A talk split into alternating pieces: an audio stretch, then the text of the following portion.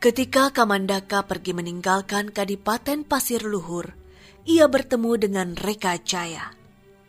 Saat itulah, Kamandaka memulai kehidupan barunya bersama Reka Jaya menjadi seorang petarung ayam.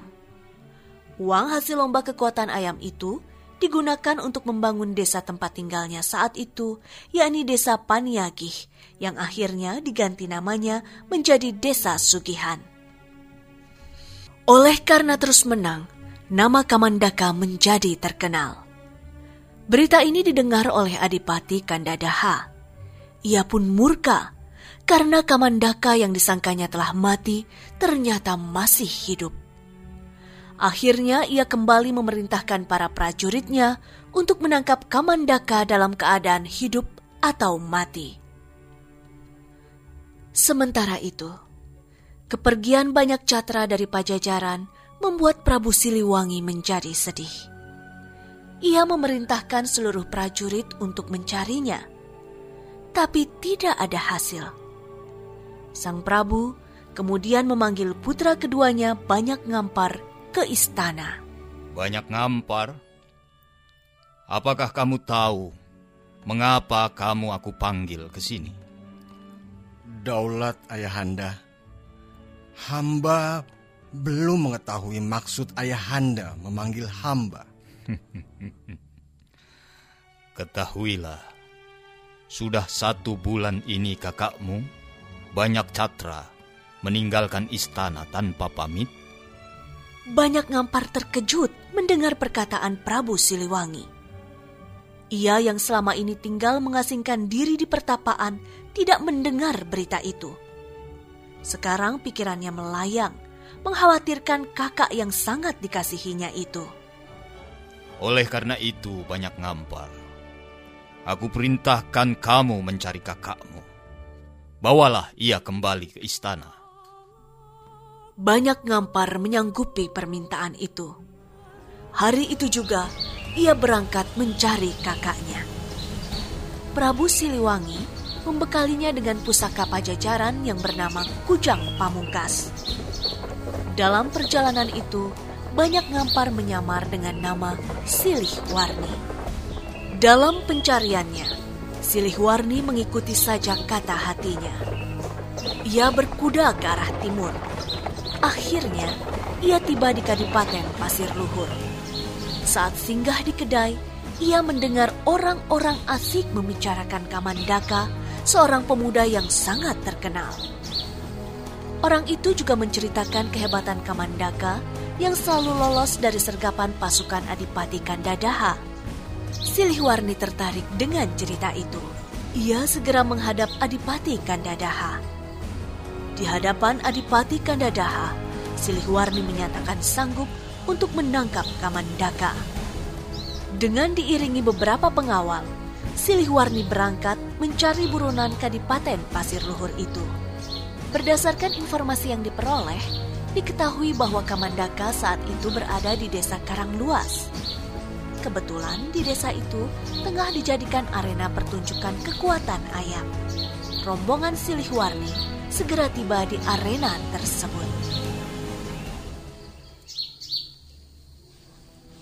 Setelah melihat-lihat suasana, Siliwarni dapat menduga orang yang dicarinya. Kamandaka selalu menang dalam lomba itu. Mereka tidak saling mengenal karena lama tidak bertemu. Silihwarni kemudian menantang Kamandaka untuk lomba ketangkasan ayam. Kamandaka pun menerima tantangan itu. Saat lomba berlangsung tanpa disadarinya, Silihwarni bergeser ke arah Kamandaka. Ketika sudah dekat, Silihwarni menyerang pemuda itu dengan kujang pamungkas. Kamandaka tidak mengira akan mendapat serangan mendadak. Ia tidak sempat mengelak. Kujang pamungkas berhasil menggores lambung kiri Kamandaka. Orang-orang di arena tempat itu menjadi heboh. Kamandaka lari menerobos kerumunan orang dan lolos melarikan diri. Desa ini kemudian diberi nama Desa Berobosan yang berarti menerobos kerumunan orang. Kamandaka terus berlari sekencang-kencangnya. Reka Jaya pun menyusul Kamandaka sambil membawa si Mercu, ayam jago Kamandaka. Karena lukanya, Kamandaka tidak kuat berlari lama. Kedua orang itu kemudian berhenti istirahat. Darah Kamandaka mengucur deras. Oleh karena itu, daerah tersebut diberi nama Desa Bancaran yang berarti mengalir deras. Saat melanjutkan menuju tempat yang aman, ayam jago yang dibawa cukup mengganggu. Oleh karena itu, di suatu desa, Kamandaka menyuruh Reka Jaya agar mengurung ayamnya. Desa tersebut kemudian diberi nama Desa Kurung Ayam. Sementara itu Silihwarni dan para prajuritnya kehilangan jejak. Mereka kemudian mengirim anjing pelacak untuk mengendus dan melacak keberadaan Kamandaka.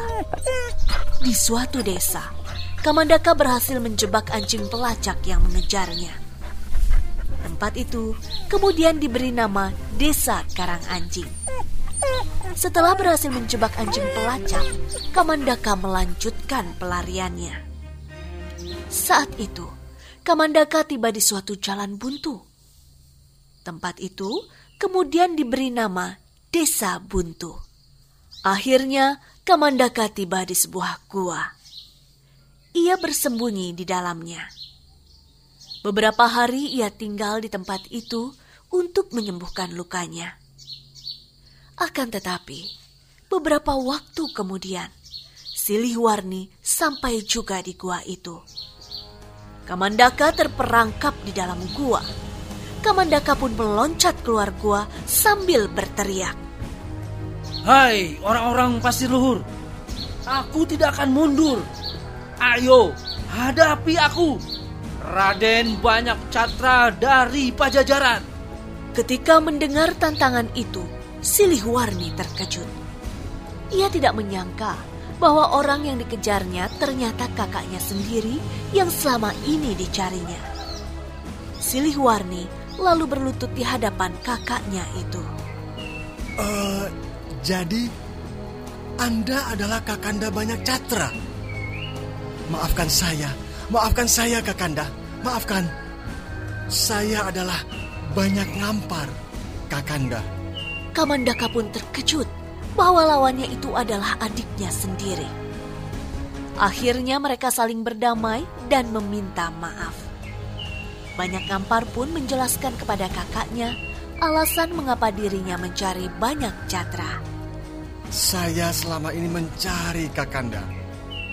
Ayahanda yang menyuruh saya. Kakanda, pulanglah Kakanda. Seluruh pajajaran bersedih karena kehilangan Kakanda. Banyak catra terdiam. Ia memang sangat ingin kembali ke pajajaran. Tapi ia merasa tujuannya belum tercapai. Karena adiknya terus memohon, akhirnya banyak catra pun kembali ke pajajaran. Baiklah, Adinda. Aku akan pulang menjelaskan urusanku kepada ayahanda. Adinda ikut denganku ke pajajaran kan? Nanti aku akan menyusul Kakanda. Sekarang, aku akan ke pasir luhur terlebih dahulu untuk menyelesaikan tanggung jawabku kepada Adipati Kandadaha. Kedua bersaudara itu berdiri. Mereka kemudian meninggalkan gua itu. Sebelum pergi, masing-masing sempat menanam pohon jati berjajar di depan mulut gua.